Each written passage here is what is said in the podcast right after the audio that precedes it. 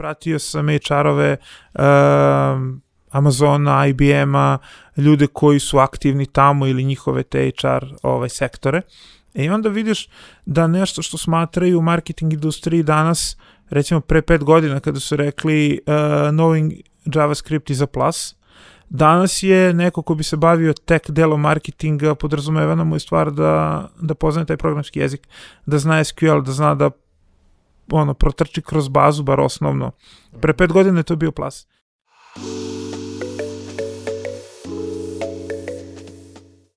Pozdrav ljudi, dobrodošli u novu epizodu Office Talks podcasta. Preplatite se na naš YouTube kanal, kliknite na zvonce. Takođe, Office Talks podcast možete pratiti i na audio platformama, linkovi su dole u opisu. Naš današnji gost je i ujedno i naš dobar prijatelj Svetozar Zare Krunić. Zare, dobrodošao. Hvala, bolje vas našao. E, da šta, totalno mi je čudan ovaj formalan uvod, obzirom da pričamo kao sat vremena, ovaj, već pre nego što smo ovaj, kliknuli dugme record, da smo se ovaj, bukvalno siti ismejali i da smo verovatno taj razgovor trebali da snimimo ovaj, kao podcast, ali evo, dobrodošao, konačno, posle 50 i nešto epizoda tu si. Drago mi da sam vaš gost i da ćemo naći neke interesantne teme da ovaj, prepričamo, da ponovimo i tako.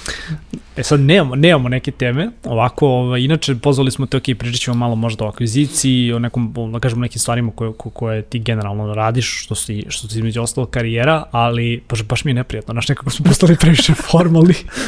A, pri, ajde da krenemo kao ovaj, odavde, pa ono, vidit ćemo kod nas razgovor odvede, ali ti si, ti si zapravo pre nego što si radio, ovaj, ono, pre nego što si izgradio karijeru ovaj, na, na internetu i pre nego što si krenuo da se baviš i akvizicijom i drugim nekim stvarima, ti si zapravo radio u nekretninama. Tako je.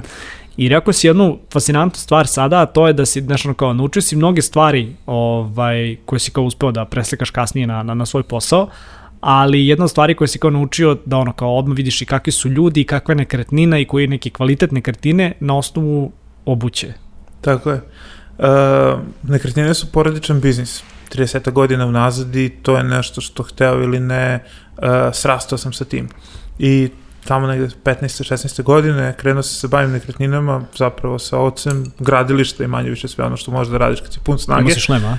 Molim? Ima si šlem? Da, da, da. Uh. Ove, ovaj, tad nisu možda i bili obavezni. da. nisu sto nije, nije ni bitno sada. Uglavnom, uh, taj neki osnovni period upoznavanja sa nekretninama, ne, ne samo ono da vidiš kuću, normalno je da je kuća, nego da vidiš one neke druge osobine kuće koje vidiš kada je zidaš, kada je gradiš, kada je renoviraš, čisto da možeš imati uh, teme za razgovor oko renoviranja, adaptacije, izgradnje, čega god dalje. Ali samim tim, uh, uključivši se u aktivniju prodaju, obilaziš nekretnine, ali treba da vidiš, treba da uslikaš, treba da popričaš sa ljudima, da nađete interes, da dogovorite cenu, uh, ko, uh, šta je interes da se desi ako nije cena, da li je zamena, e, mnogo njih je imalo recimo ideju ok, ja bih da prodam stan, ali hoću da kupim kuću. I onda iz takvih razgovora e, stvori ideja, uh, prodajem stan ili menjam za kuću, pa ćeš da vidiš šta ćeš da dobiješ. I onda, uh, gledajući to, prva stvar kada uđeš u neki stan ili kuću, to je predsoblje kod nas najčešće i po toj obući kako je složena, kako izgleda, kakva je obuća, da li je prljava, da li je čista, uh, nekako uh, krojiš tu sliku o ljudima, vidiš koliko su uredni, koliko su pedantni ili čak kakav je životni stil tih ljudi i nekako kada prođeš 50 nekretnina mesečno i to radiš godinama i godinama, uh, počinješ da nalaziš zajedničke osobine ljudi kod kojih si bio i možeš da zaključiš otprilike koji interes iz kog razloga prodaju, različiti su zaista razlozi zašto se neko oslobađa nekretnine, ali možeš već neke stvari da pretpostaviš. I onda vremenom to mi je pomoglo da prepoznam sagovornika sa kim pričam, na ulici, na basketu, u poslu, jednostavno pogledam obuću i kada vidim koliko je pažnje tome ovaj, e, da to mogu nekako da ocenim e, način na koji ta osoba se ponaša, radi, da li imamo neku zajedničku sliku ako bih rekao koja je prva stvar koju vidim na nekome je obuća i to je nešto što potpuno nije, nesvesno. Nije, nije sat, a? Nije sat. Nije sat, nije sat, nemam, ovaj, e, volim satove, ali nije nešto da sad po satovima prepoznajem i jednostavno obuća je iskrenija nego sat po meni i to ne možeš da fejkuješ, jednostavno takva je i nešto što potpuno nesvesno prvi put upadne u oko jeste obuća, tako da... Da.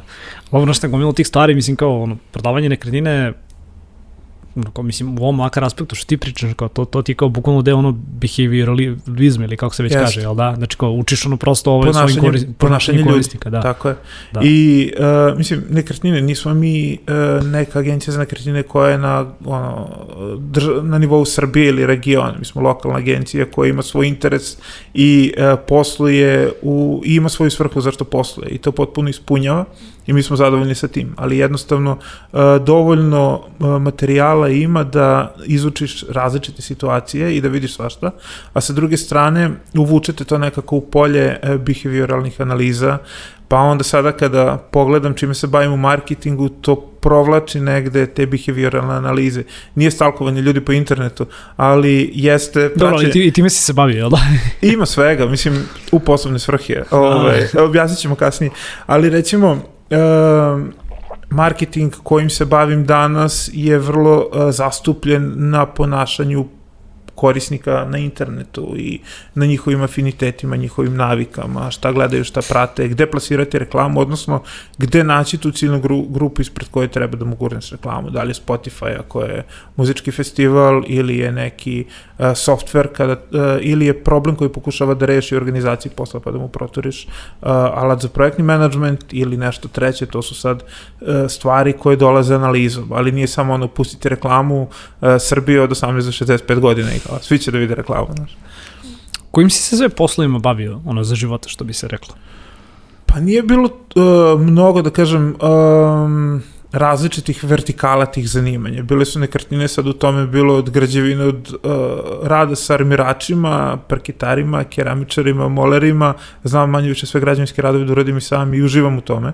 I to mi je nekako beg od digitalnog sveta. To mi je onaj reality check gde volim da ovaj, potpuno bez nekog opterećenja završim neku stvar po kući, stanu, selu, gde god. Ovaj, I radeći to, uh, bavio sam se onako potpuno amaterski, uh, pravio sam web sajtove u front page-u, tipa 98. 99. Uh, 98. čini mi se, uh, drugar i ja smo, uh, stvari on je kupio domene, kupio je sebi domen, kupio je i meni, imao sam krunić.net, čini mi se domen, de, pre 99. godine, pre bombardovanja, znam da sam ono, podigao prvi sajt i tu je nekako taj digitalni moment krenuo i onda sam video da taj sajt ima, da taj domen preko hostinga ima i neku bazičnu analitiku i tu me analitika kupila. Kasnije je došao Eunet, pa tamo hosting, pa onda ona njihova osnovna analitika 2000, ne znam koje, 5. 6. godine i kasnije je to preraslo u, u dalje bavljanje, ali uvek me zanimalo, neko je došao na sajt i kliknuo je tu i kao, vidi sad njegov ponašanje, šta ga, zašto je kliknuo tu? Je? Da, da, da. Šta ga je tu privuklo, šta tu ima više i uh, kasnije sada kako je razvoj softvera u marketingu uh, doprineo razvoju marketinga, ovaj, uh, jednostavno ti sad možeš da prepoznaš i ko je ta osoba i kako se zove, možeš da ga navučeš da ostavi podatak, da mu saznaš ime, prezime, adresu, šta god. Mislim, to su sad jednostavne stvari na koje ljudi jako lako padaju i taj klik je vrlo bezazlen kada ga gledaš ovaj, sa aspekta uh, nekog korisnika koji je neuk internetu i koji se vodi time da dobio mobilni telefon za dinar i da ima instaliran Facebook uh, na telefonu i da može, da, da mu je sad ceo svet na dlanu. Dolazim iz onog interneta doba gde si imao one vrištave zeleno-crvene banere gde si osvojio milion dolara, pa kad klikneš jedan si kapirao da je prevara.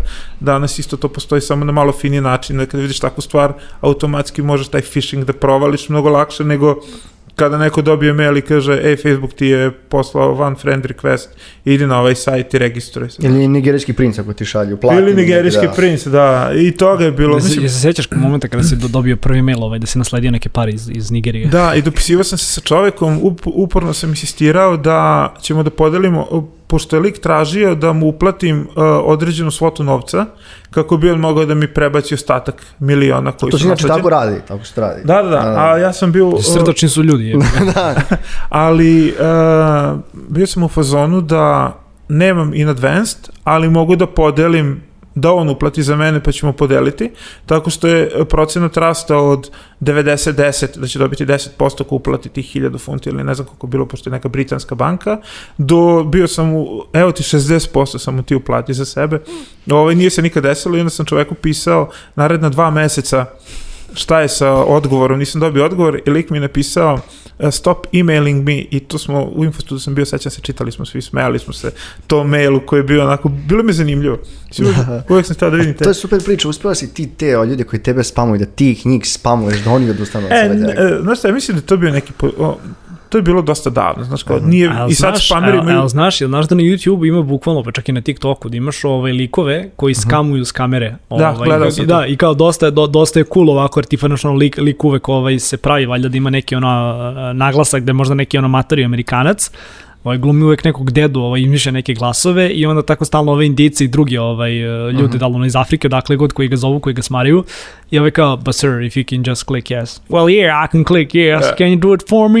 Ja, ali baš baš onako dosta dosta cool ovaj ono imaš imaš ljudi koji vrate ono Gledao Rade- sam rade te to do nivoa da im se uleguju na njihove security kamere u kancelarijama gde skemeri i onda i onda rade. vide zapravo ljude Tako da, je.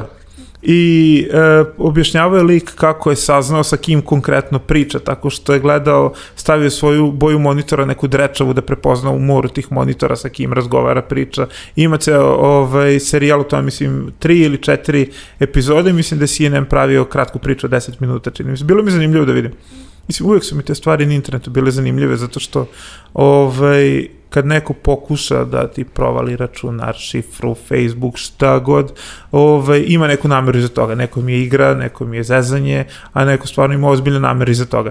Ja sad, nismo mi naš tuki, posebno internet, ali jednostavno vreme, vreme koje si proveo tu, svašta si video, naučio i onda probaš vreme, onako. To ti je ono, u, meni uvek zeznuta stvar, ovaj, kao kako da, da naučiš ljude, bilo da su u pitanju klinci, bilo da su u pitanju kao stariji ovaj, ono, građani, kao kako da ih naučiš internet bezbednosti. I, i to mi je uvek bilo jako teško da govorim, jer kao ne znam da li je to stvar koja može da se uči, verovatno može, verovatno ima neki program, ali znaš kao svo svoje kompletno znanje da ne nastavim neku prevaru, uh, crpim iz toga što jednostavno već ono, tipa 15 godina, ako ne i više, za više, 20 godina, ovaj, kao, mator sam čovječe, imam 30 godina, ovaj uširno sam se dva puta već, ali kao kompletno svoje iskustvo ovaj bazira na tome što jednostavno to su ono sati i sati i godine ovaj ono provedene za netom i kao nauči čovjek da razlikuje ono takvu prevaru od, od nečega što, što nije. Ma i dešavale su se prevare, samo su bile bezazlenije, znaš, danas su svima vezane kartice, ono, po podrazumevanju stanju, sa telefonom, sa nalozima, Yes, sa plaćanjem i vrlo lako neko može to da zloupotrebi. Ranije, znaš, imao si onaj stari modem, nisi mogao da budeš na internetu ako ne prođeš kroz one zvuke modema,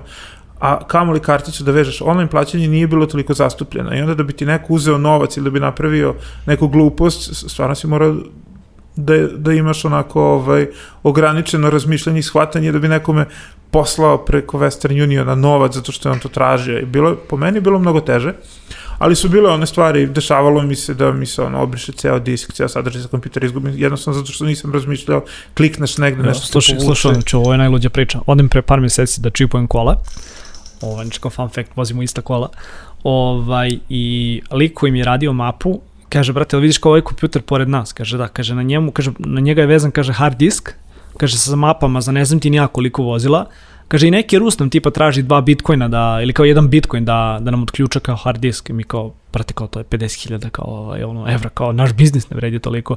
Tako da, znaš, ono, kad pogledaš kao i, i ta internet bezbednost nije baš najna stvar ono kada se desi nekome koga znaš i kada se desi u tom nekom okruženju, jel da? Uglavnom su to neke ono priče da je neko kliknuo, da je to neki da li stariji gospodin ili nešto, neko ko, je, ko jebi ga nije prosto digitalno pismen, ali Mislim da stariji gospodu vijaju sa onim SMS prevarama, znaš, one četvrocifrene brojeve, vas servis ili kako se zovu, i onda njima one skidaju... ponesla mi novca, uplati mi novac, Jovana.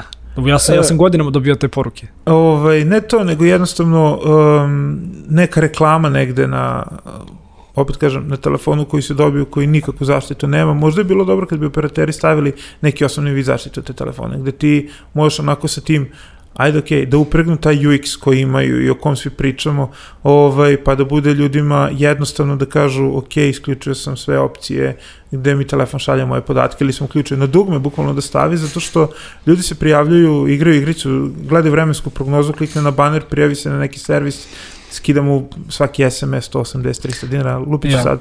Ali da, ta bezbednost, mislim da treba da krene od ranije, ove, imam čerku koja ima 10 godina Mhm. i ulazi u svet interneta, znaš, svi koriste telefone, um, manji broj njenih drugara koristi računare i uči me jednostavno način na kako da priđe tome, kako da, uh, kako da postavi neku uh, šifru, kako da napravi nalog, kako da se uloguje negde. Uh, voli da se igra sa Scratchom, pa je tamo trebalo napraviti neki nalog. I onda malo po malo edukuješ uz to, pa uzmeš onaj password manager, pa kažeš šta to znači, kako to izgleda, kako se to manifestuje dalje, šta znači ako je šifra slaba, šta znači ako je jača. Jednostavno, to su generacije koje će da rastu sa ovim stvarima. Da li je prerano ili nije prerano, ne znam, ali očigledno koristi uređaje uh, prisutna je u digitalnom, no. u digitalnoj nekoj sferi, pa bar svest o tome da postoji. Ne mora ni da koristi, znaš, ne želim da ograničavam korišćenje uređaja deci. Treba da rastu sa tim. Mi smo rasli sa loptom, imamo vrhunske sportiste, danas imamo ovaj, vrhunske programere, dizajnere, zašto su ljudi da smo rasli realno za kompom, da. Mislim, da, šta, da. ono, ne, nisam roditelj, pa kao malo mi teško možda se uključujem u tu konverzaciju, ali, ovaj, znaš šta, nisam za ono neko zabranjivanje, za zabranjivanje bilo čega, znači, ono, uh, smatram da tehnologiju, mislim da je to kao stvar koju smo negde skapirali kao proteklih godina, pogotovo možda negde u doba korone, da ne želimo baš toliko da budemo online, čak i ako jesmo ono, prisutni 24-7 i da smo negde možda kao, znaš ono, od tog nekog ciklusa da ono nismo imali sve informacije dostupne ono na dlanu, došli od toga da smo ono online 24/7 i da nam ono notifikacije stalno iskaču i da smo se sad negde ponovo vratili na neku onu sredinu, taj neki ono zdrav balans, da kao ne moraš da primaš notifikacije sa posla posle 5, da ono, su ti za neke notifikacije ili neke aplikacije prosto notifikacije isključene, da se sad malo ljudi vraćaju ono kao, da ne kažem u prirodu, ali... A Isto tako, znaš kao, mislim da deci nije baš ono normalno zabranjivati da koriste te stvari, a, jer kao neminovno je da će ono, stasati sa tim i da, da im je to verovatno ono dobro ulazna karta u to da budu ono, digitalno pismeni i da budu zapravo pravi ono digital natives. Ovaj, Treba da budu edukovani. Da. I mislim da e, ta edukacija, mislim da bi bilo dobro da se ovaj nalazi u školama. Koliko god zvuči zanimljivo da ovaj, uh, se dešavaju takve stvari, pa vidiš i mimove i zezanja i provaljivanje profila i svega i svačega. Ovaj, I to smešno zvuči društvu u kom je to prihvaćeno kao neka norma. Međutim, to isto kao da ti je neko obio prostor u kom živiš ili neki prostor koji je lično tvoj. Jednostavno, mislim da digital ne shvatamo kao lični prostor još uvek. Digitalno I... sad uopšte kao lični prostor i, i pogotovo sad kad pominješ decu kao ono, mislim to digitalno i vršnjačko nasilje, nije to tema ove epizode, ali naš kao isto i to je nešto što ljudi mislim da kada je o digitalu pitanju ne shvataju dovoljno, dovoljno ozbiljno. Tako je. Ne. E, mislim da treba graditi svest i širiti svest o tome i jednostavno mislim da je edukacija ključ svega, zato što e, nismo mi spremni da se edukujemo o tome. Zato što kad god bi krenuo da se edukuješ o tome, imaš toliko distrakcija na istom tom uređaju gde ti pažnja vrlo lako skrene. E da vidimo, će biti sutra kiša, da da odigramo jednu igricu da vidim koji su rezultati i šta je bilo u vestima. Ti no. si zaboravio čovjek, čovjek kome prognoza skrene pažnju svake čast. pa da, ali jednostavno to su ljudi koji na taj način konzumiraju uređaje i jednostavno koriste sve to za zabavu.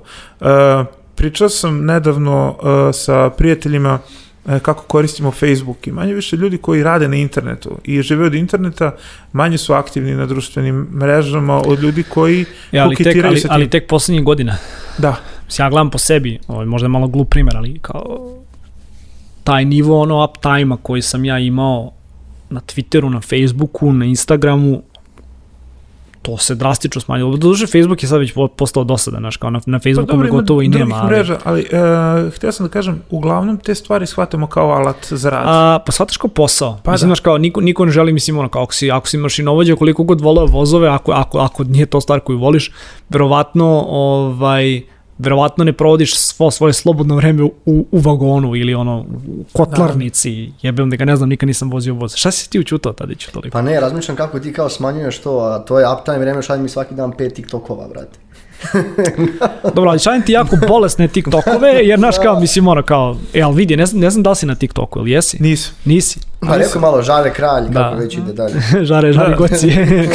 Da. ovaj, um, nisam toliko na TikToku, pratim neke druge mreže, recimo. E. Ovaj, uh, mislim, ja, ja znam da si ti kao ja, da si ono ukoreli Twitteraš, jel da? Volim Twitter. Mislim, Twitter je meni, Twitter je meni zakon, ali kao posle Twittera, Mada na šta, na Twitteru je sad jako mnogo hejta i kao to je nešto što mi pa smeta. Sad, uvijek je tako. Ali, ali sad u poslednje vreme, znači isključivo politika, politika, yes. politika i, i politika i kao društvo, ali i u kontekstu politike. A TikTok je toliko osvežavajući u smislu samo što imaš gomilu nenormalnih budala koje kreiraju jako glup sadržaj koji se jako lako upija. I znaš kao, to je kao da otvoriš Reddit pre par godina ono, sa stranicom ono, mimovi i znači to je bukvalno valjanje od smeha. Volim internet kulturu, volim taj internet sarkazam i volim sve to što dolazi uz internet. Taj Sve što vole ono- mladi na internetu. Pa ne, nego uh, onaj nivo humora koji nije toliko očigledan. Da. Znaš. I to je onako, prija mi da vidim zato što, zato što nije očigledno, trebam malo da razmisliš o tome.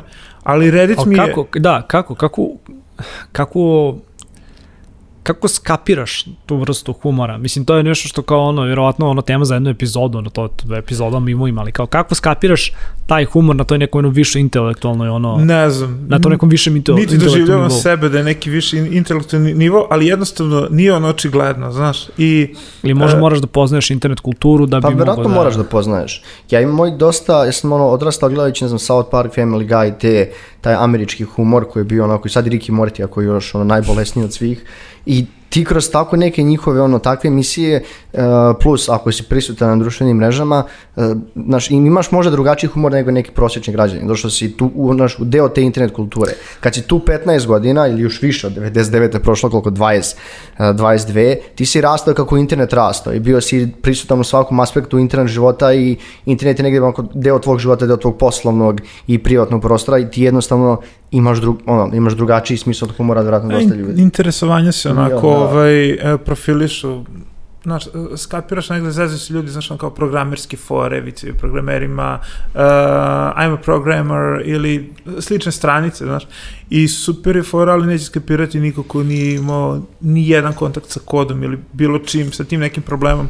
I onda kada gledaš taj internet svet i sve to što si rekao i to predstavljeno, zapravo smešno je ono što je predstavljeno na nekonvencionalan, nekonvencionalan i neočekivan način.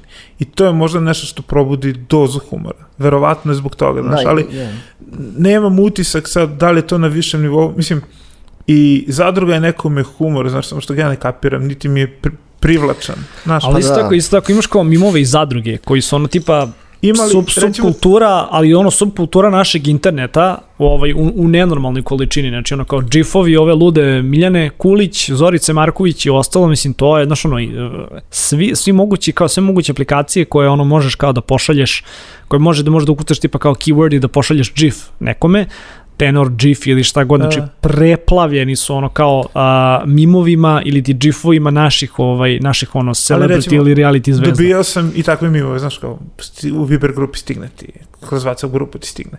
Ali jednostavno ne kapiram ili ne reagujem na to zato što ne razumem šta je iza toga. Znaš, vidiš neku poruku i to bi trebalo, kapiram da je smešno, ali jednostavno kad to ne pratiš ne mogu ni da razumem o čemu se priča. Znaš, kao da je bilo koja Da. slika i da ispod piše nešto. Znači kao internet, kao vjerojatno i ta internet, internet kultura postala jako, jako razgranata. A mislim da se ona isprofilisala po buying personama isto kao što šta god na internetu dobilo neku svoju buying personu i ljude koje privlači. Znaš, ali šta znam, onako, volim taj deo i koristim internet ono, za zabavu i ne može da bude samo rad, rad, rad. Znaš, kad treba naći taj moment i uglavnom ga nađem ili na Twitteru ili na Redditu. Na Twitteru se spredam često, zato što Predam nisam ozbiljan. Ovaj. Da, da, to je bilo na Facebooku većinom. da, i Ne, ne, na ne, Facebooku i izvini, na Twitteru. Twitter brate, Twitter Da. je. I na Twitteru. Ne, zato što, ovaj, znaš, šta je najgore što može se desiti, ne znam ko je, ovaj, staviš tako neki odgovor, potpuno neočekivan i, mislim, da, pričamo, zezamo se, znaš, kao nije neka stvar koja je ozbiljna ili ga ne doživljavaš ozbiljno, ali opet i svet koji pratim na Twitteru opet drugačiji. Nema toliko hejta i politike u Twitter svetu koji pratim. Prilično sam ovaj iščistio celu Feed. listu. Kao ne pratiš domaći Twitter, I- onda Pa pratim i pratim i ne pratim, znaš, kao više ne pratim nego što pratim. Ovaj komentarišem često na domaćem zato što mi je zgodnije. Ovaj a Twitter više pratim na engleskom zato što te neke stvari ko koje me čine da budem u nekom trendu ili da ispratim dešavanje u poslu ili razvoja aplikacije koje koristim ili sistema na Twitteru prvo vidiš. I to je uvek tako bilo. Međutim, mislim da se zaprljao sa dolaskom ljudi koji Twitter koriste za samo promociju uglavnom i sem samo, ne, samo promocije bez neke dodatne vrednosti nemaš ništa od Pa toga. ja, je to što si rekao, to je dobar pr- primjer LinkedIna. ali Meni je LinkedIn postao jedan od najgorih mreža ako ja gledam samo feed. Ako mi treba za kontakt da nekom nešto na, da se javim brzo, to mi je okej. Ali ako gledaš feed, to je apsolutno samo Feed, promocija. ne, feed na LinkedInu ne pre, za, za LinkedIn imam neko ovaj, e, skorašnje iskustvo. Recimo na LinkedInu nisam posebno prisutan. Imam profil od kad sam bio u Infostudu, ono, sajt za zapošljavanje, pa je normalno da imaš profil na LinkedInu, pratiš šta se dešava. Ali jednostavno ovaj, nisam komentarisao, nisam ulazio u rasprave, bio sam deo mnogih grupa, što po defaultu, što kako su nastajale, tako se priključiš i onda posle vidiš grupe imaju po 50-100 hiljada članova. Ali recimo LinkedIn treba znati koristiti u neku drugu svrhu. Recimo, ako radiš, spominjali smo danas za E, spominjali smo naš šta si spominjao za lekare, nešto, aplikacije za lekare, neko Da, da. zakazivanje. Mhm. Znaš, ako ti treba lekare na LinkedInu ćeš ga naći najpre. I onda vidiš uh, koga su još ljudi gledali osim njega. To je ono što smo pričali stalkovanje, znaš. I onda vidiš uh, kojih, pošto na LinkedInu ti pokaže koji grupa je član Neko, neko Mhm. ili koje kompanije prati i onda kažeš ok, tamo treba da bude moja reklama kako dođem tamo. I onda vidiš ko u te grupe postoje najviše, kako dođem do njega. E onda kako da bi došao do nekoga da mu prodaš kvalitetan sadržaj, ili ćeš uraditi nešto umesto toga, ili ćeš ponuditi nešto što triggeruje zajedničku publiku, ali ne uklizava onome uh, ko ti je domaćin.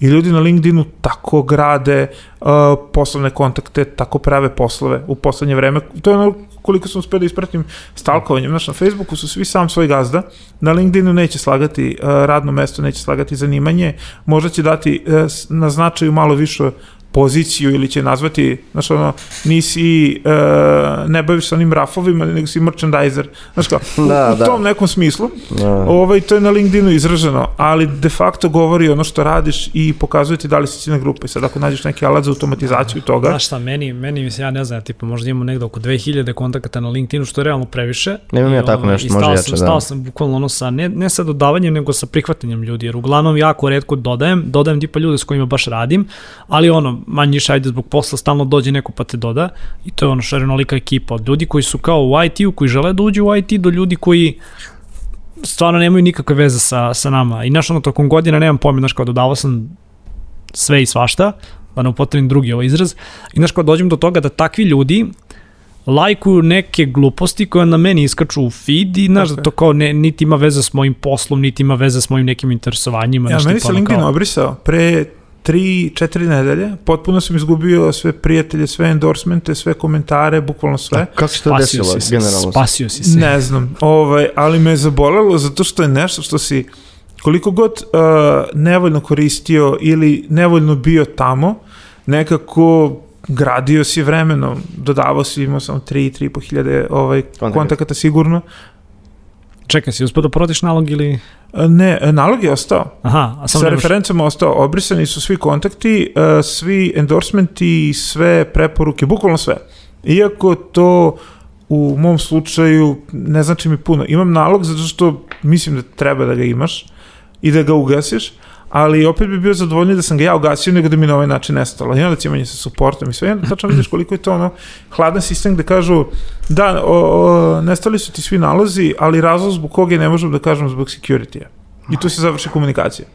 I onda ideš redom i dodaš ljude koje znaš, ono, Nešto malo, da. kojih se seća čisto eto da budeš tu povezan zato što neko podeli nekada recimo meni su na LinkedInu bile super grupe ranije gde koje su bile zatvorenog tipa gde stvarno moglo da kruži e, neka poslovna komunikacija dosta toga se preselilo na Slack, zatvorene grupe. Mhm. E onda taj Slack, neki community ima te zatvorene grupe, zat, ovaj, profile, naloge, gde ima po par hiljada ljudi. I onda i tamo se šum stvorio. I onda uvek u, u seljenju te neke teme i manjeg broja ljudi ta grupa dobije na jednostavno daje vrednost i onda krene da rasti, postane šum. I onda samo prestaneš da pratiš.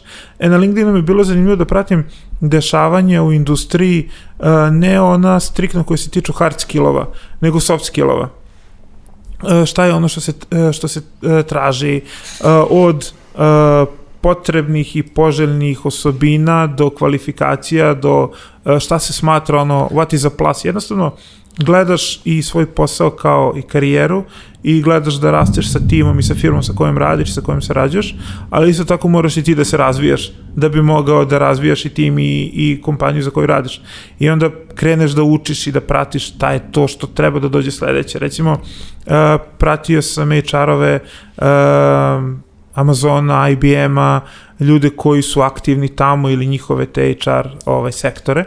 E, I onda vidiš da nešto što smatraju u marketing industriji danas, recimo pre pet godina kada su rekli uh, knowing JavaScript is a plus, danas je neko ko bi se bavio tek delom marketinga, podrazumevana mu je stvar da, da poznaje taj programski jezik, da zna SQL, da zna da ono, protrči kroz bazu, bar osnovno. Pre Mhm. pet godina je to bio plas. I onda, ako znaš to da čitaš ili počneš da čitaš, vidiš u kom smeru će da ide ta industrija, koliko je taj tek deo važan. Ne kažem ja, Da. treba marketari budu programeri, ali moraju da poznaju to da bi znali o čemu pričaju, kako nešto može da se uradi, koji su sve uh, potencijali toga što, što može da radi. Ali mi nemamo generalno marketingu kad pričamo, mi nemamo puno ljudi koji su taj marketing teh pa pričamo o našem domaćem tržištu. Ja, mislim da je- jer problem je da za tako nešto e, nemamo puno proizvoda koje možemo da prodajemo van da bi imali takve ljude. Uh, mislim da ima ljudi, ali mislim da su bučniji ovi koji su tom brand Community, da, da, kreativa i, taj deo, ovaj, mislim, da. kreativa zato što uh, vole da budu u centru pažnje. Tip ljudi koji u tom tek delu nije u centru pažnje i ni, niti traži tu pažnju. Radi dobro, zadovoljan je sa svim tim što ima, napreduje i to je... Ne, ali kad, kad već kao govorimo o LinkedInu, ja imam nekak utisak da ljudi, makar naš onog na našim prostorima, ovaj, samo žele da budu u centru pažnje. Znaš, svi ti samo proklamovani guru i mislim, nemam pojma ni kao da li ulazimo u ovu ono, mračnu rupu, ali znaš kao, 2021. je godina, ja zaista nikad više ljudi nisam video da su pokrenuli svoj kurs. I to je negde samo deo te, znaš, ono kao self in betterment ili self promotion kulture na LinkedInu, ovaj, koja mi baš onako ide negde na, negde na nerve. Jel, znaš, kao glavno pitanje je, a ko si ti da bi pokrenuo kurs i ko si ti da pričaš ono o bilo čemu ovaj, što je, što da kažem ono, sada negde aktualna tema, jel da? Sa jedne strane uh, je dobra stvar, sa druge strane uh, isplivaće kvalitet i neće svi moći da opstanu. Da, valjda isto kao s podcastima. Pa, znaš kako, uh, ljudi su za vreme korone uh, tražili neki pasivni prihod. Dobili su vreme koje su ranije gubili na prevoz do posla na commute, sada su ga dobili, trebali su da nađu zanimaciju. I odmah Ne. pokreni kurs. Pa ne samo pokreni kurs, nego ja verujem da uh, mnogo ljudi koji su u biznisu, na kom god nivou radili, uh, može da podeli neko znanje koje ćeš u tom momentu kada čuješ smatrati da je uh, nepotrebno tebi, kao ono, nepotrebno znanje. Znaš, ona razlika nekada između državnog i privatnog fakulteta, pa kažu se privatnog i na državnom učiš puno to, ima puno nepotrebnog znanja. Ok, ajde da definišemo nepotrebno znanje. Ovaj, ne, ne možeš ga definisati na taj način. Isto tako i sa kursevima. Uh, Skillshare platforma. Ne moraš biti ono, suvi profesionalac da bi nekoga naučio nečemu.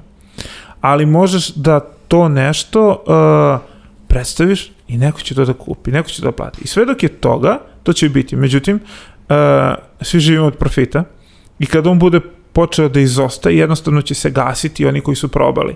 E sad, to što je nama blisko i primetimo jako puno kurseva, ovaj, pa se šalimo za, sa tim ovaj, i pokušavamo da nađemo način ok, zašto ti sad imaš kurs? Ili šta to možeš da naučiš? I sad probaju ljudi uzmu skill na, uh, uz, uzmu kurs na nekom Skillshare-u ili na onom, uh, kako se zove, uh, Coursera, Udemiju. Coursera, Udemy, da. I onda prekopiraju uh, popularan kurs i bukvalno ga prepričaju samo na srpskom.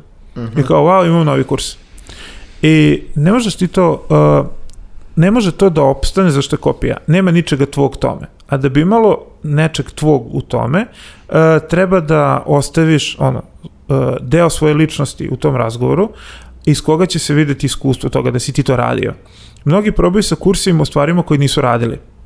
I ok, ohrabriti ljude da to probaju. Danas će se desiti kurs, sutra će se desiti nešto drugo, ali će pokrenuti ljude da nešto rade, što je mnogo bolje nego da padaju u depresiju s televizor. Znaš, um, sa jedne strane. Verovatno, da. Bar se pokrenulo. Sa druge strane, nama bliska stvar koju možemo sa uh, dozom mnogo većeg znanja da komentarišemo, nego recimo uh, imaju puno kurseva joge i fitness aplikacija, nikad više nego u poslednjih godinu i po dana, ali to ne komentarišemo kao, ne komentarišemo kao kurseve. Kursevi su nam bliski, pogotovo iz industrije s koje smo mi. I onda to gledamo s- e, sa onog aspekta, e vidi, ovo je bez veze, a to nije ni za mene. Ali nervira me što je tu, što se trigiruješ. Znaš kao, nema potrebe, samo pustiš i vreme jednostavno, uh, vreme i profitabilnost će pokazati da li je to nešto bilo dobro. Znaš, ako je bilo dobro, iskristališat će se, ako ne, nije. E, recimo, te kurseve posmatram kao rečnik. Imaš toliko rečnika nemačkog jezika i ti kupiš rečnik i dalje ne govoriš nemački. Jednostavno, treba ti ono iza, Da li onda staviš na LinkedInu da, da, da, da dečom govoriš nemački jezik? nikakav Dobro, to problem. nema veze, I da, to da, je da, ona, da. e, to je onaj tip ljudi, uh, fake it until you make it. Znaš, Ne. to traje 8 E, da li, dobro, ali da li misliš da imamo možda danas i previše tih fake it till you make it, da je možda danas više tih koji fejkuju, a ne makeуju, mislim ja makar stičem takav utisak, ovaj, ne znam, opet kažem, stičem takav utisak, a i nekako, znaš, kao, čini mi se, mislim, razlog kao zašto sad pričam o ovoj temi jeste, znaš, ono kao, ti kada si krenuo, ovaj, ono, da, da se, ono, zanimaš internetom, ti ni tad nisi imao kurs koji je mogao da te nauči te stvari, možda si eventualno našao neku knjigu s nekim osnovama HTML-a ili kao šta god, pa si nešto čitao, otišao do biblioteke, mislim, govorimo o zaista davnom vremenu, ovaj, danas je sve to sažvakano i sve nekako šturo i sve razblaženo i čini mi se da baš zato što ljudi nemaju, znaš, ono kao s jedne strane da super što je mnogo stvari danas dostupno, ali baš zato što jeste dostupno nekako ljudi to doživljavaju kao bogom dano uh, i da, znaš, ono kao jednostavno neće ljudi da se iscimaju da nešto nauče i samim tim kvalitet tog znanja i implementacije da ono, saznanja s tog kursa ili neke konkretne tehnologije je vjerojatno manja nego što je bila pre. Možda zvučimo kao bumeri, i ali... Mislim, da, mislim da je isto pametno da, da kažemo da si ti završio ekonomiju, ali si dosta sad trenutno i u tehnologiju, marketing tehnologija, Da. da. si dosta sta- stvar sam naučio tokom godina, da kažem. Pa, uh, Mislim kao ono, ti danas teško možda da odeš u Srbiji, makar ono i da kao učiš o user acquisitionu na fakultetu, jel da? Da, to ne postoji. Ne možeš, ovaj, e, ne možeš, ali jednostavno a, dobar deo karijere krenuo si u PPC kroz Facebook, kroz Google, ja sam vršio fakultet 2007. godine, Facebook sam napred 2008. Znači, nije postojalo nešto što to može da naučiš, ali jednostavno e, budeš interesovanje za različite stvari. A ako imaš interesovanje u preduzetništvu i ako misliš da ti je pravljenje kursa najjednostavnija stvar, da to probaš i najbezbolnije u tom momentu, možda je manje bolno nego da otvoriš restoran, zaposliš ljude pa kažeš da ne ide. E sad, e, samo testiranje toga, da vidiš da li si za to ili nisi, e, rezultuje e, rezultuje abnormalnom količinom svakog sadržaja koje mi opet treba da konzumiramo ili ne treba, ali treba da naučimo da ga filtriramo. Mhm. Ne možeš ni sve da konzumiraš. E sad, ovaj, sa aspekta učenja uh, i, i uh, da li si samouk ili nisi. Mislim da je toga bilo i ranije. I samouki ljudi su naučili sami da pišu. Od, uh, nisu imali od koga da nauče. I vukli ih je želja da nešto urade više. E, uh, oni koji nisu imali tu inicijativu, ostali su neuki, manje pismeni, nepismeni, a mislim da se vremenom ta granica pomerila gore, da je manje neukih i nepismenih, ali mnogo više tih koji imaju površno znanje o nekoj stvari baš zato što je sve dostupno, a manja količina ljudi je spremna da se iscima dodatno da bi e, došla do korena tog problema, da bi došla do srži, da bi ga razumela, raščlanila i izgradila na neki svoj na neku svoju platformu jer ima viziju šta sa tim da radi. I mislim da uh, će pre biti da se ta granica uh, pismenosti podigla nego što imamo fake it ili make it ljudi. Jednostavno, pre 50 godina to bi bili neuki ljudi. Jer nisu spremni da se dodatno angažuju, da saznaju i nauče nešto novo, nego to što je tu dostupno. Ranije knjige nisu bile tolike dostupne kao sad, danas jesu. Ali um, vidiš knjige po 10 strana pa kaže e-book. Znaš, i kao pročitao sam 30 e-bookova. Kao, sine, pročitao si 100 strana. Ovaj, to nije nešto... Pročito si jedan bolji pamflet jeba. E sad, e, kada pogledaš 100 strana kao 100 strana, ne mora da znači e, banalizovao sam e, i automatski sam e, označio da je taj tekst možda nekvalitetan ili nešto. Možda je to pravih 100 stranica koje tebi nešto krenulo. Ali češće možemo da kažemo da je sadržaj koji nema neku svoju suštinu, napisan je da bi popunio većinu tog prostora i imate srži desetak, 20% koji treba znati prepoznati. ako uh, imaš I onda na dovoljno... osnovu toga sam zapravo ideš dalje i Tako je. istražuješ. A ako imaš to pređašnje iskustvo, kao što ako bi napravio kurs o marketingu, neko ko se bavio marketingom i može da priča o tome, kurs o financijama, kurs o bankarstvu, računovodstvu, neko ko je radio u banci 10-15 godina i to, to priča iz iskustva i to ćeš uh, razumeti i osetit ćeš tu vrednost kada ga pohađaš, čitaš, slušaš, šta god, nego kada vidiš da je neko u fazonu, "O, ništa me ne pitaj, to je kurs 30 eura i to je to. Znaš kao, nema pitanja, nema ništa, sve drugo, možemo se čujemo, ne možemo se čujemo ili consulting sat košta toliko. Jednostavno, odbijajuće je da dođeš dalje u razgovor i da produbiš temu o nečemu. Jednostavno, Uh, ok, malo sam iskarikirao, nije to baš toliko odbijajuće, ali vidiš da ne postoji volja za tim da se dalje neko involvira ako zaista želi da nauči. Ljudi to gledaju kao ceo, ceo zapadni internet broji onom passive income, znaš kao, Svi pričaju o tome. Kako- Passive income je trenutno glavna stvar. Mislim, da li Znaš, ono, kroz svi, svi imaju, svi imaju, da, svi, kroz svi imaju nešto da što, što im kroz- kao kaplje sa strane, ono, da li Mislim da je house market, sad flipping šta houses, god, glavna da. stvar u Americi. Jedna od glavnih stvari je taj flipping houses i on ulaganje u akcije velikih kompanija. A mislim, i ovde u Srbiji je ovaj flip house iz biznis koji uvek postoje. Da, samo što znaš, nešto u Srbiji, u Srbiji ja to negde više prepisujem znaš ono kao klasično ono Đilkošu ovaj, koji ono tipa zna u principu kako funkcioniše internet, to je onaj brat koji te ovaj ono ubeđuje da, da matori treba da uložiš u kripto, ono kao treba si još juče, ali kao danas je najbolji trenutak. Imaš ti ljude koji stvarno ono namlatiše pare na tome i kao svaka čast, jako je komplikovana stvar za, za razumeti, jako je komplikovana stvar za zabaviti se time i kao kapa dole tim ljudima ali ovaj mislim da znaš ono imaš dobar deo ljudi koji to rade jako profesionalno i koji ono ne iskaču ovaj ono na sva zvona koji nemaju svoj kurs o tome kako da da trguješ kriptovalutama a onda imaš drugi onaj uh, pool ljudi koji znaš ono žele da projektuju sliku sebe kako su uspešni u tome samo idu i pričaju kako se time bave ili pokazuju ono na, na društvenim mrežama iskaču na, na, na, na sva zvona I onda kao provališ da je to negde ono vlažan san srpskog ono preduzetnika ili šta god da ima tako ovaj neki biznis da mu samo kapje, a da uglavnom ne želi time da se bavi. Što je u poslu na osnovu nekog mog 30-godišnjeg iskustva životnog jako teško uraditi. E, to je upravo uh, ovaj, paralela sa ovim uh, dostupnim znanjem i količinom angažovanja oko toga da li ćeš ga iskoristiti na način da sebe unaprediš ili ćeš uh, skupiti dovoljno znanja da, mu, da budeš sagovornik na svaku moguću temu gde god se nađe ključna reč kripto. Ovaj, po meni je kripto ono full time job za nekoga ko bi to pratio, ko bi se angažovao, ko bi se bavio time, da uh, imaš kalkulaciju da zarađuješ, uh, lupiću sad, 50 evra od kripta i da ti ode 20 evra na struju, da tebi ostane 30 čisto i kao, ja sam s tim zadovoljan, meni to super, kao, Mora i porez da se plati sad. A, ok, sada, ali recimo, uh, ako bih razmišljao, zato što imaš svoju viziju, kao neko ko je znanje koristio da napredi sebe, pa kažeš da to vreme koje bi uložio nešto da učiš od nule, a nisi posvećen, nego ćeš ga površno savladati, uloži dodatno da unaprediš ono što već znaš, da ne kreneš od nule. I manji broj ljudi je spreman, uh, mislim da je veći broj ljudi uh, spreman da svičuje ono što sada radi, zato što mu je dosadilo, ili Nego da nije uđe zaista du, duboko u nešto. To je ono što kažu kao master of all trades, ne, ne, jack of all trades, master of, none- of none. Jeste. Mislim da smo možda na nivou globala ili tog nekog naše ono mehura u kom živimo, svi uglavnom to, a da se redko ko specializuje za jednu stvar. recimo. Da. Ja lično pričam o kripto, ja mislim da su cryptocurrency budućnost, ali ne znam u kom obliku će da bude. Mislim da će svijet ići ka tome i plaćanje, vidim koliko i banke i neke velike institucije prihvataju kao kriptovalute, ali ovo ne u ovom obliku, jer ljudi generalno sad su kupili kriptovalute i na osnovu toga što imaju, misle da mogu da ostvare neki veliki, veliki profit, ali to...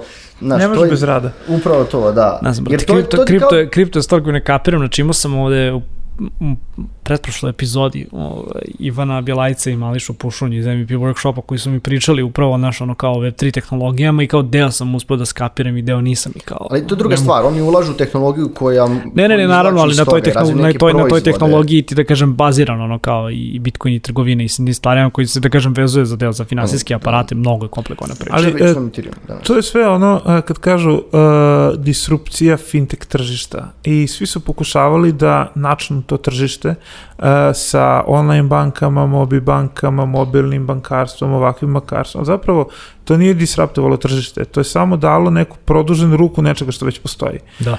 A kripto je došao kao nešto što je potpuno preokrenuo način na koji e, finansijsko tržište funkcioniše, na koji se vrednuju valute možda, ne pratim toliko kripto, uh -huh. nije stvar ovaj, za koju sam odlučio da bi voleo da se pratim, nekad mi je krivo, nekad nije, ali ovaj, kada pogledam unazad, uh, nisam bio spreman da investiram vreme, da se bavim s tim. Ne bih voleo da površno radim ovaj, uh, stvari od kojih... Znajući tebe, ti bi to studio na ovaj radio. Pa da, ali onda se ne bi bavio ovim što radim sada i ne bi napredao u ovome sa čim sam posebno zadovoljan, recimo. Ali kripto dolazi kao ono, uh, disrupcija uh, fintech tržišta. Šta je sledeći korak možda razvoj na toj tehnologiji, ali to je opet, onda nije disrupcija, to je samo usavršavanje toga što već postoji. Ne znam šta je sledeće što će da uzdrma kripto. Znaš, to su možda stvari koje neko ko prati može da vidi. Ja kao like, meni je potpuno svejedno drugačije vrednujem stvari, gledam ono, gledaš kroz nekretnine, gledaš kroz novac, ekonomista sam po, ono, po zvanju, nekako ono, bilans stanja, bilans uspeha, znaš kako, ono, tradicionalni taj neki klasičan pristup ono, financijama, poslu, biznisu i svemu tome imaš. Ovaj, kripto, ne kažem, ono, rekao si boomeri, nije nešto da sam van sveta, znaš, niti, ali jednostavno ne posvećujem pažnju tome zato što, šta znam, nisam spreman da se investiram u to, niti involviram. E, hoćete ti pitam još jednu jako zanimljivu stvar, ovaj, kao ajde da probamo da ova epizoda ne traje sat vremena. pa nismo, tek, nismo ništa ni počeli da pričamo. Mišo, na koliko smo? Neka ide ih. Ovo neka ide. Da, biće nam, biće nam ovaj zahvalne ovaj momci iz produkcije. A Vidimo poslednjih par godina da, znaš kao, Facebook umire u smislu da ono, gubi makar na, na relevantnosti kada ono, kao naša generacija u pitanju, iako se i dalje tamo sipa ono lova za, za oglašavanje, mahom da što je vezan iz Instagram, ali nebitno, svedoci smo da se stvari sele u zatvorene grupe i da je generalno taj pokret ono privatnosti sada značajniji nego što je bio pre, Videli smo i sad da kažem nekim nedanim tehnološkim ovaj ono izmenama da ne znam kao Chrome blokira ovaj trekovanje ukoliko ti baš ne dozvoliš iOS to isto sada radi. Koliko se tvoj posao promenio u protekle dve do tri godine i koliko je danas teže da kažem ono akvizirati korisnike kada vidiš da velike tehnološke kompanije stavljaju nekakvu barijeru između tebe i njih? Ovaj, pre možda četiri godine kad sam počeo Active Collabu da radim, s Ilijom sam imao ovaj, super razgovor uh, na temu uh, trekovanja korisnika. S obzirom da sam ja bio onaj fanatik uh, setuj kuki gde god možeš, uh mhm. -huh. gde god možeš ti kuki posadi. Ovaj, međutim, uh, krenuli smo da razvijamo način, sada pre tri godine, kako pratiti uh, posetioce, a da ga ne pratiš. Kako razviti način user trackinga bez trackinga. I ovo što se sada dešava ide na ruku zato što pokušavaš da razumeš ponašanje korisnika, a da ga ne pratiš. Jednostavno, um, ulazi oni deo social uh, hackinga, social engineeringa i ne znam toga. To su one stvari koje ljudi ostavljaju kao impulse na internetu, a ako možeš da ih pročitaš i da ih prepoznaš, vidjet ćeš ga, mm -hmm. a nije ono koliko je scrollovao stranicu i sad sam ispratio da je ovaj scroll 50%, a ovaj je sigurno zainteresovan za tekst. To je nešto što je bilo interesantno ranije. Danas to ne ostavlja impuls zato što dužina nekog landing page ili stranice ocenjeno je da nema nikakve veze. I ljudi vole da scrolluju, ne smete im scrollovanje. Tako da koliko neko nešto scrollovao ili dalje na nešto kliknu i da li je tamo setovan event, uh, ne utiče pomaže, drastično pomaže. Ali ako naučiš da prepoznaš, po meni bi to bio onaj prvi set aktivnosti koje vidiš. I ono, vidiš ga na prvu i samo slepac ne, ko se bavi u marketingu ne bi mogao to da prepozna. Ali onaj drugi deo njegovog ponašanja, kada uđe kod tebe u sistem, e, to ponašanje je nešto koje uh, de facto moraš da pratiš da bi sistem bio bolje, mm -hmm a ne možeš to ponašanje da koristiš nazad na internetu da bi privukao slične, baš zato što ti dolazi do prekida ovog. I onda razmišljanjem, ok, šta tip ljudi, i onda ih gledaš kao kohorte, šta tip ljudi koji je pratio određenu temu, manifestuje na sajtu i kako se to odražava na korišćenje tvog softvera. Da li tu ima neka zajednička karakteristika? Pokušavaš da gledaš kroz te veće kohorte. Zapravo, pecaš u tim grupama koje su mnogo veće, nedefinisane, anonimnije, ali znaš da se tamo nešto što tebi treba nalazi. Umesto da seješ po celom internetu, zato što imaš milionske budžete, recimo u našoj industriji je a, potpuno normalno da a, neki od biznisa podigne 100 miliona investicije C runde, malo pre Mislim da je. Monday, Monday imao i- ih, priva- mislim, još više od toga. Pa Monday, ClickUp, svi Mislim, oni tu imaju... je Ali- ali Asana je kao jako najveći igrač. industrija za bitanje ovih. Da. I sad, uh, kada gledaš s aspekta nekoga ko ne želi da stavi 100 miliona uh, u marketing budžet, ako ti dobiješ budžet za akviziciju, na šta ćeš ga potrošiti nego na marketing? Ako moraš da potrošiš 100 miliona za godinu dana, koliko moraš da potrošiš mesečno? 10 miliona. A ako ćeš da se baviš akvizicijom, sigurno ćeš biti na Google, je li tako? Mhm. Što znači, od tih 10 miliona mesečno, dobar deo mora da ode na Google. A ako ti imaš para i možeš da ovaj, platiš klik kakav god, pa uzet ćeš reč na koju se najviše klikće. Ode cena klika na preko 35 dolara. Znaš, jednostavno možeš se pozdraviti sa tim zato što ne možeš da se trkaš. E sad, ako imaš jednog konkurenta koji to uradi, pa u istom momentu i drugi i treći dobiju ono, B, C runde i ne znam kako već ovaj, nazivaju sve to, to, to je ogroman novac koji se slije. Onda odeš na listing sajtove, vidiš da u našoj industriji ima 750-800 alata koji su u project managementu. I manje više doći ćemo do momenta kad će svi da imaju sve. Razliku će praviti uh, ona zgodnost korišćenja i navika neka ili ne znam šta. Nismo još došli do tog perioda, ali recimo mobilni telefoni svi imaju sve. Pre 10 godina kamera u boji, 3G, slike, Da. animacije u telefonu, Danas se. samo koristiš telefon ono u čim si ekosistemu ili zatvoren i šta znaš da ti najviše je. prija. Tako je. I sve je dostupno na svim uređajima. Ovaj, loše je za biznis kad nije dostupno na nekom od uređaja. Ovaj, tako da, gledajući sve to, doći će taj moment kad svi imaju sve. E, za isto mobilno operatere dolazimo u moment kad ćemo svi imati neograničena minuta poruka i ovaj, poziva.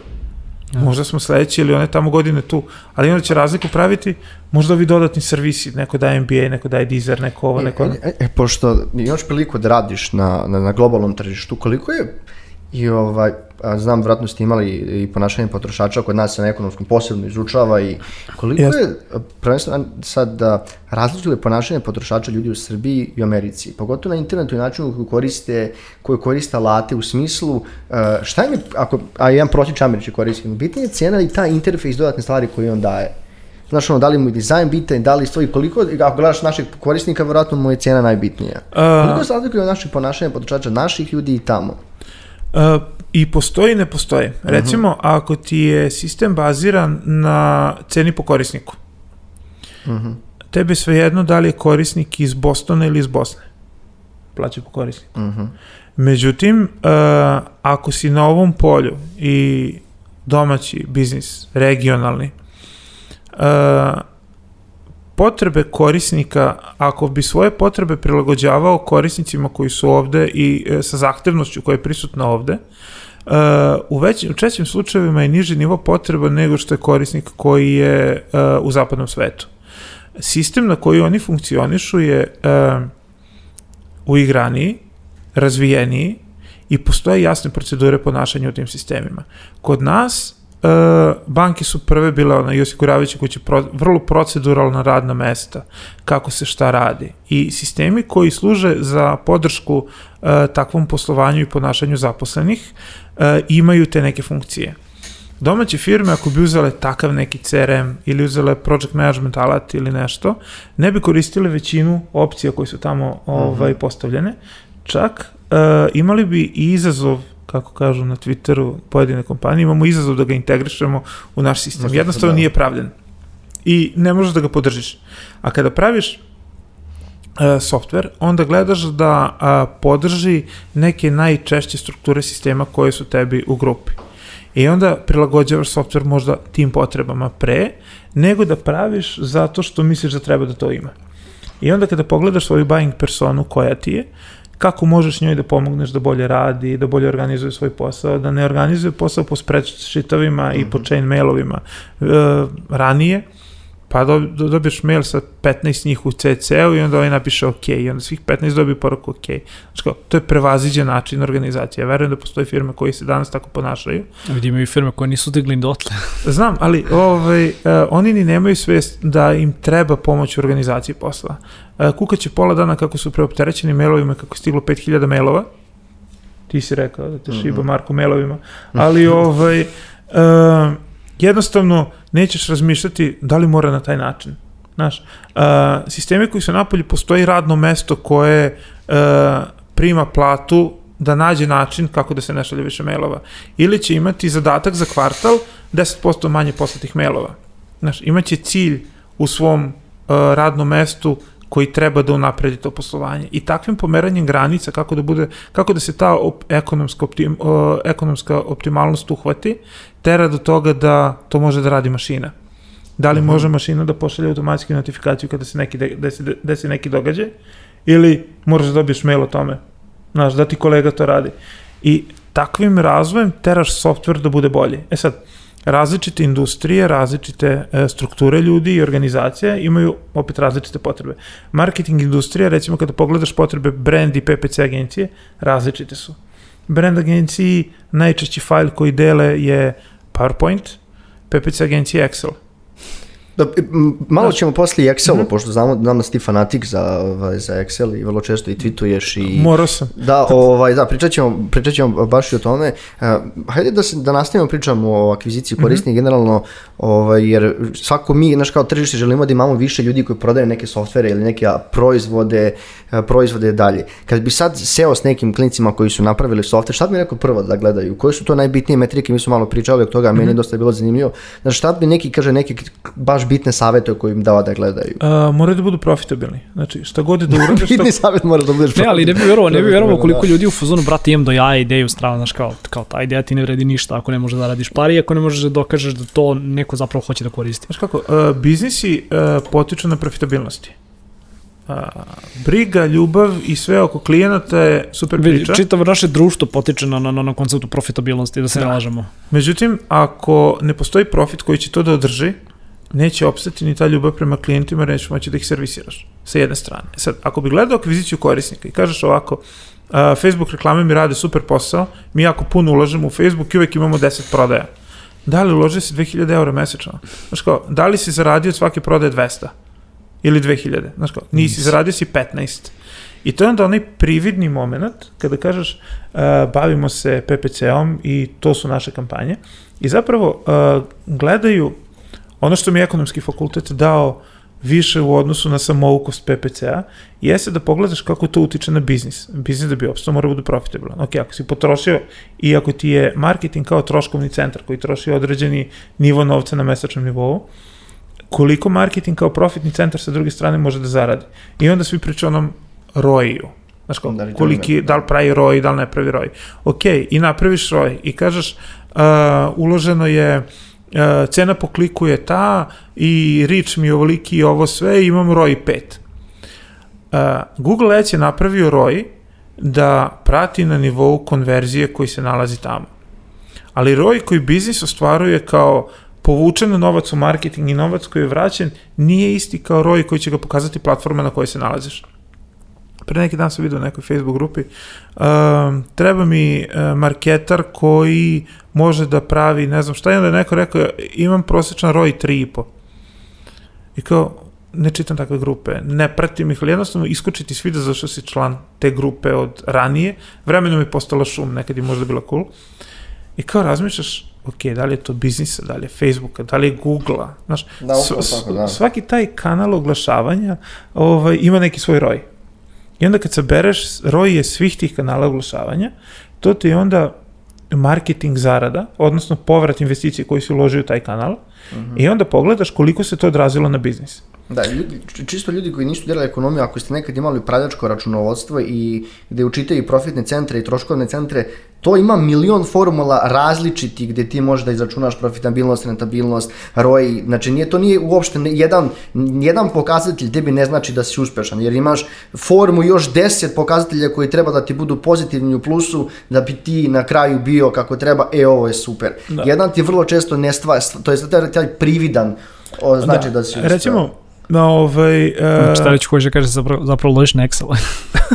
Pa e, ne, ja mi nužno ne da nema potrebe da koristimo toliko je zbog ono jer smo dosta ne prodajemo tako te toliko količinu proizvoda i ne trebamo da izračunavamo mi koristimo možda neke jednostavnije formule. Ja, e, još jednu, da, još jednu stvar koju, koju kao ajde kao ono imamo vremena da se dotaknemo, ovaj, pričao si zapravo taj ovaj, ono, uh, lifetime value, ovaj, koliki zapravo on treba ti bude u odnosu na to koliko ulažeš ovaj, Tako u je. inicijalnu akviziciju korisnika, koja je, koja je tu formula ovaj, koja je negde, da kažemo, ono kao uspostavljena u tvojoj struci? Uh, lifetime value je ukupna suma koju naplatiš za životni vek korisnika u svom sistemu.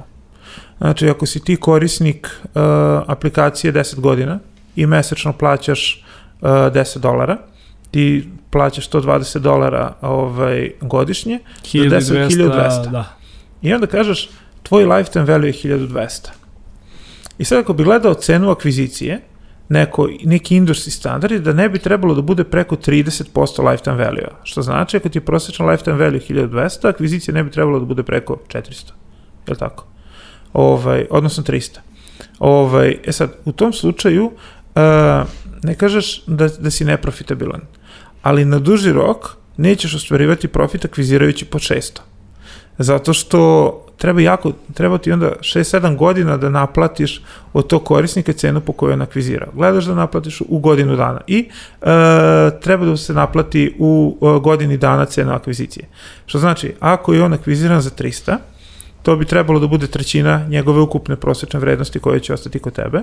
To gledaš na osnovu postojećih korisnika koji imaš u sistemu i tih 300 bi trebalo od njega da naplatiš posle prve godine boravka. I da bi onda sav onaj ostali deo koji ostaje, mogao da kažeš, ok, profitabilnost ovog klijenta je u ovome. E sad, e, na globalnom nivou je tako. Ako imaš različite pricing planove, različite cene proizvoda, različite oblike proizvoda sa svojim karakteristikama i svim tim, pa svaka onda ta različitost ima neki svoj lifetime value. Jer recimo ljudi koji koriste full proizvod su možda duže u sistemu nego ljudi koji koriste free verziju ili obrnuto, ili ljudi koji koriste određeni feature. I onda kada pogledaš, uh, kada pogledaš akviziciju, vidiš šta je neko kupio, po kojoj ceni si ti to njemu prodao, ti si sad napravio, kupio si software, ali mene je tvoja kupovina koštala 300 dolara, 350 mesečno. Znam da to moraš za godinu dana da ostaviš i da moraš biti uh, 10 godina kod mene da bi rekao to je to. I sad, to je možda prosek ili 10 meseci kako god. Ne, još, znaš, baš si pomenuo, koliko, kad pričamo o tom, ovaj, koliko ljudi, to črno kad ljudi odu, ima neki prosjek kad ljudi ono jednostavno uki- ukinu Mislim da, mislim plaćanje da ima, nekog ali softvera, mislim, da. mislim da, mi- mislim da je isto vezano za, za industrije, da, ne, da nema što... Za Pričamo o industriji Da, da, većinom, da. mislim Recimo, ako da. bi gledao lifetime value za stvari koje nemaš, onda ti je to obrnuto uh, črno, odnosno črno ti je obrnuto jedan kroz procenat črno dobiješ prosječan lifetime value tog tipa korisnika. E sad, kad neko ode, našao je novi software, dobio ga besplatno, promenio sistem, propala je firma, re, re, recimo za vreme COVID-a bilo je puno uh, firmi koje su zatvorile zbog COVID-a, pa kažu ne koristimo dalje software zbog toga, ili su switchovali biznis model, ili su otpustili ono pet timova pa kažu za nas troje organizovat ćemo se na način dok e, gledaju to kao commodity. Organizacija posla nije essential stvar. Jeste kada, e, ako tako poimaš posao. Ali većina ga ne poimamo na taj način i to smatramo troškom.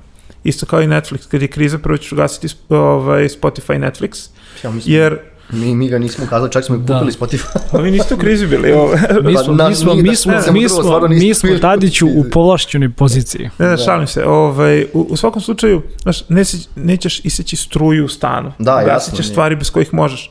Možeš bez softvera da radiš ili si radio i ranije. Ovo ti je pomoglo da se organizuješ bolje, video si koliko je to bolje, donelo ti je vrednost, ali nažalost ne možeš.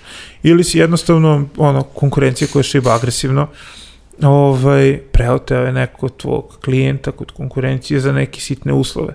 Znaš, i to su onda, kao kad pređeš iz jednog u drugi operator, dobiješ bolje uslove na prelaz.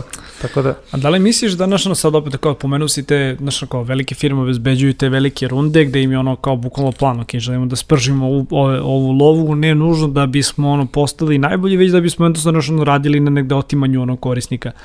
Da li smo na nivou tržišta, evo, industriju koju ti radiš, možda malo sa tim velikim igračima i upali u tu neku ono trku pacova, da se više insistira na, na tim stvarima nego nužno na, na kvalitetu samog proizvoda? Pa, znaš šta, uh, možemo da gledamo sa različitog aspekta. Recimo, uh, kada smo razgovarali, ovaj, Ilija Goren i ja, vezano za uh, neke aktivnosti buduće, su prvi bio definisan pojam beskonačne igre. I jednostavno, uh, no, ovaj, uh, kada posmatraš trku u kojoj smo, ona nema kraja. I pojenta da budeš što duže tu, da ti za to vreme bude prijatno, da uživaš radeći i da se osjećaš lepo. A ako možeš te uslove da ispuniš i još da deliveraš dodatnu vrednost, da isporučiš tu dodatnu Da vrednost, isporučiš kvalitetom Tako proizvoda, je. Da. ovaj, ti si zadovoljan. E, da li će postojati potreba da se to boostuje sa određenim investicijama ili ne? Investicije povlače e, svoju odgovornost, nije to samo dobijen novac za trošenje. Pričali smo pre koliko godinu i po dana kad smo Jesmo. bili na, u Zrenjaninu, pa smo komentarisali ovaj, e, šta znači uzeti investiciju i kako novosadski startupi koji uzme investiciju, kolika je to obaveza sa druge strane, koliko se taj novac brzo troši i koliko... Mnogo se brzo troši, ali očekuje da se brzo očekuje rezultate. Tako Očekuje je. da brzo spržiš pare kako bi došao Evo vidi, ali to ti, je, to ti je došli do promjene filozofije gde si ti pre, znaš kao, pre je bila vest da uzmemo, ne znam, ono, jedan tim ono, u Beogradu ili u Novom Sadu uzeo 50.000 evra od Bugara. Danas su te prve inicijalne seed runde po par miliona, jer jednostavno, ne što se samo tržište ubrzalo, nego što su ljudi shvatili da, znaš, ono, nema poente da jedan tim toliko dugo radi na validaciji ideje, nego ajmo odmah da spržimo pare na početku, Mhm. da vidimo postoji li ta neka inicijalna atrakcija, ako postoji super, daj da zapošljamo još developera, daj ono, da uložimo još više u marketing budžete i samo da se što pre dođe do te rentabilnosti, do te profitabilnosti, jel da? Ma da Da, kad gledaš da, te da. investicije, uh, a ako gledamo banke u poslednjih par godina vidimo da se ukrupnjavaju na tržištu Srbije. Da. To je neko bilo najavljeno čak i to se upravo dešava. Pa da, i znam To da je su bilo nerealno imati komentarisali, 30 plus banaka u Da, Srbiji. je. uh, sećam se komentara da države uh, zemlje u tranziciji imaju tu um, manifestuju se kroz veliki broj banaka nepovoljnim kamatnim stopama i svemu tome, kako izlaziš iz neke tranzicije društva, rasta i svega toga, uh, postaje manja marža i banke se sele na mesta gde mogu i dalje, gde mogu ponovo da imaju visoke kamatne stope i šta god. Mi sad gledamo stambene kredite za 2,5%, pre 10 godina su bili 5,5, 6,5, 7,5%, sećam se tačno. Uh, ne postoje više kamate na štednju, znači čak su i negativne. Tamo što je skupo Da, i onda kada gledaš biznis i startupe, vidiš koliko se i to ukrupnjava. Da veći kupuju manje. Jednostavno jeftinije postalo kupiti neki biznis nego investirati u njega. Da. I recimo, uh, Mnogi... u krizi. Ko ima pare, on je bio idealna šansa da, kupi. Pa znaš šta, pa mislim, pazi, u ITU, izvini, u ITU generalno na kao poslednjih godinu, godinu i po dana Berza jako lepo radi. I kao jednostavno, mislim, baš smo pričali o tome kada smo ovaj, komentarisali nedavne ovaj, akvizicije, jel da, domaćih kompanija, ti kada si velika korporacija, holding kompanija ili šta god, još ako si publicly traded i ako ti ono cena, cena ovaj, eh, akcije raste, znaš kao, besmisleno je i krajnje neodgovorno da ti ne kupuješ druge asete, druge IP-eve, drugo neko znanje i da ono ukrupnjavaš svoj kapital, jer ako ti to ne radiš, to će drugi da radi. Tako je. E, međutim, sa aspekta startupa i biznisa koji vijaju investicije, verujem da postoji od starta razmišljanje izlaze, e, izlaza ili egzita iz tog biznisa, kako često nazivaju. Mhm. Pričao si sa jednim od njih, uh, on je u fazonu, jedva čekam da ono, izađem, ako se ne uspe ništa, izlazim, prodajem firmu ili uzimam investiciju i dajem nekom fondu i nastavljam sa tim. Nešto su firme koje imaju po 70, 80, 90 zaposlenih. Jednostavno, uh, ljudi koji vode taj biznis ovde, mindsetom su u kulturi zapadnog društva, fizički su prisutni ovde, te dve kulture se ne podudaraju još uvek. Da li će i kada će, ne znam. Ovaj, mnogo mi, em, lično mi prija kultura ovo ovde koju imamo mi nego kultura zapadnog sveta. E, međutim, kada prilaziš sa tim stavom i gde je potpuno normalno uh, sutra prodati biznis i reći ja sam prodao biznis, zaradio sam, uzao sam pare i ja sam zadovoljan, a kultura ovde kaže dao si 80 ljudi koji ne znaju sutra da li će biti na poslu ili neće. Uh, imamo i ona, istorijski gledano kako se posmatraju radna mesta i kroz krize koje smo kao zemlje i region Prolazili, da. prolazili, da. I mislim da uzimanje te investicije se traži neki izlaz ili e, prečica do onog uspeha koji smatruju, e, za 10 godina ću imati par miliona. Mogu da ih imam i sad ako uzmem investiciju i prepustim firmu. I većina posmatra i biznis na taj način. Srećan kompaniju u kojoj radim ne prilazi biznisu na taj način. I lepota rada je u tome što bi se biznisu prilazi na način isporučivanja vrednosti. Naravno, uz postojanje profitabilnosti, ali e, primarni motiv je pomoći ljudima da rade bolje, nego tražiti način kako da se izađe. Active Cola postoji više od 10 godina, 14 godina skoro od kad je osnovan. I senior je ono u tržištu project managementa. Mnogi mogu da uče od Active Collaba kako se o, strpljivo gradi uh, bootstrapped kultura i rast iz onoga što se zaradi. Nije investicija, nego trudom i radom i konstantnom, konstantnim isporučivanjem vrednosti. I to je dobra stvar.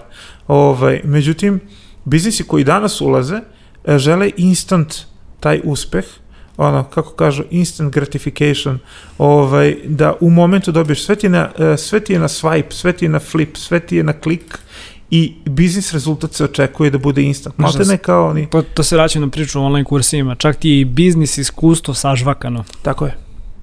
Znaš kao. Da br sve, sve brzo prođeš. Da. Ako možeš sve u dve godine da prođeš od nastanka tima do investicija, imamo exit. Znaš šta, jedna stvar koja neće brzo proći ovaj podcast, pa da nas ne bi ovaj kolegi iz produkcije ovaj dalje zezale, još jednu stvar ću samo da te pitam pre nego što kao privedemo u kraju, mada mislim da ćemo morati da radimo i drugu epizodu, ovaj, da nam dođeš, da nam dođeš još jednom u posetu.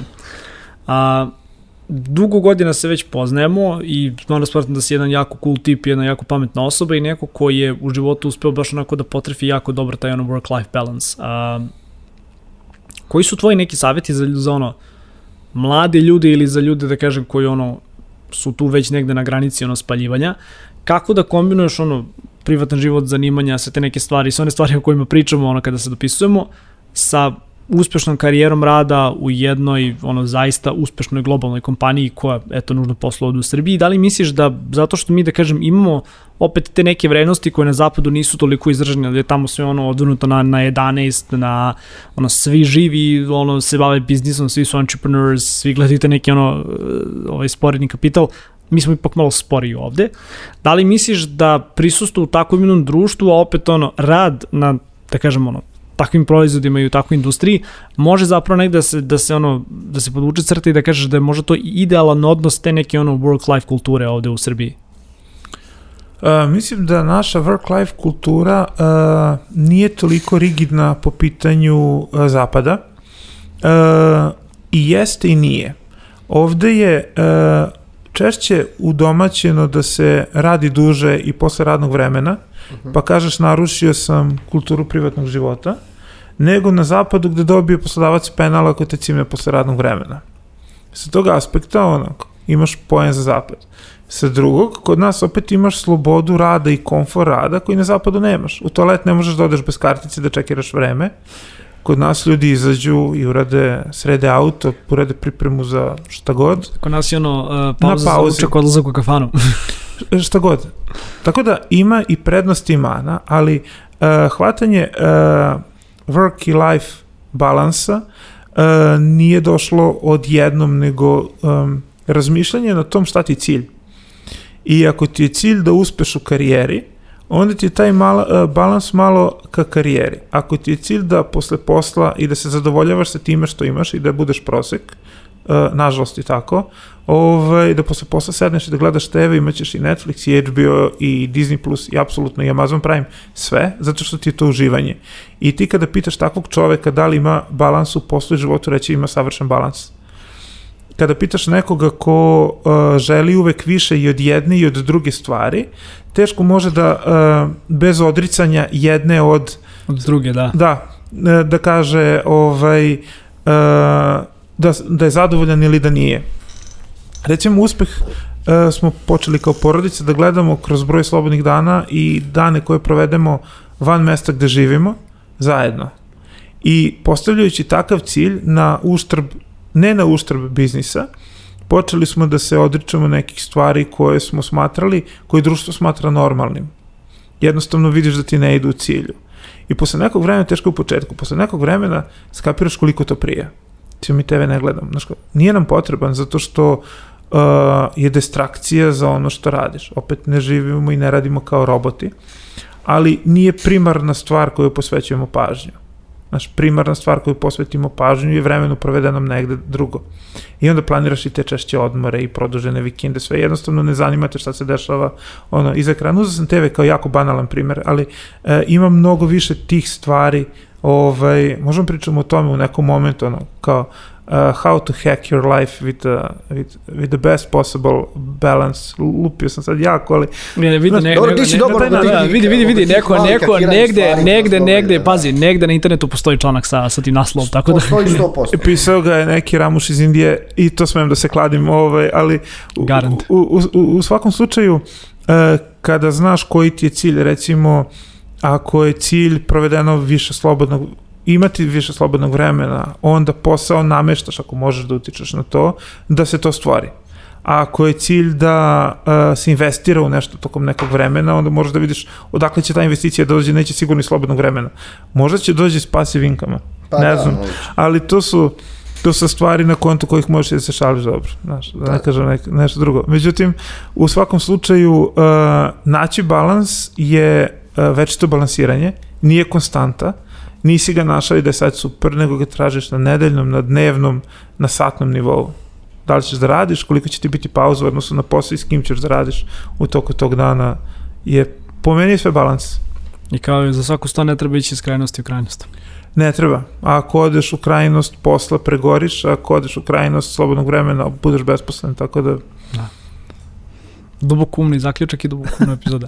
Zare, hvala ti puno što si bio naš gost. Definitivno ćemo te vratiti od u nekom trenutku da nastavimo priču o ovaj. Dragi slušalci i gledalci, nadam se da ste uživali. Još jedan podsjetnik, kliknite na dugme subscribe, preplatite se na naš YouTube kanal, Office Talks možete pratiti i na audio servisima, link koji su dole u opisu. Toliko od nas. Za danas mi se vidimo naredne nedelje. Ćao!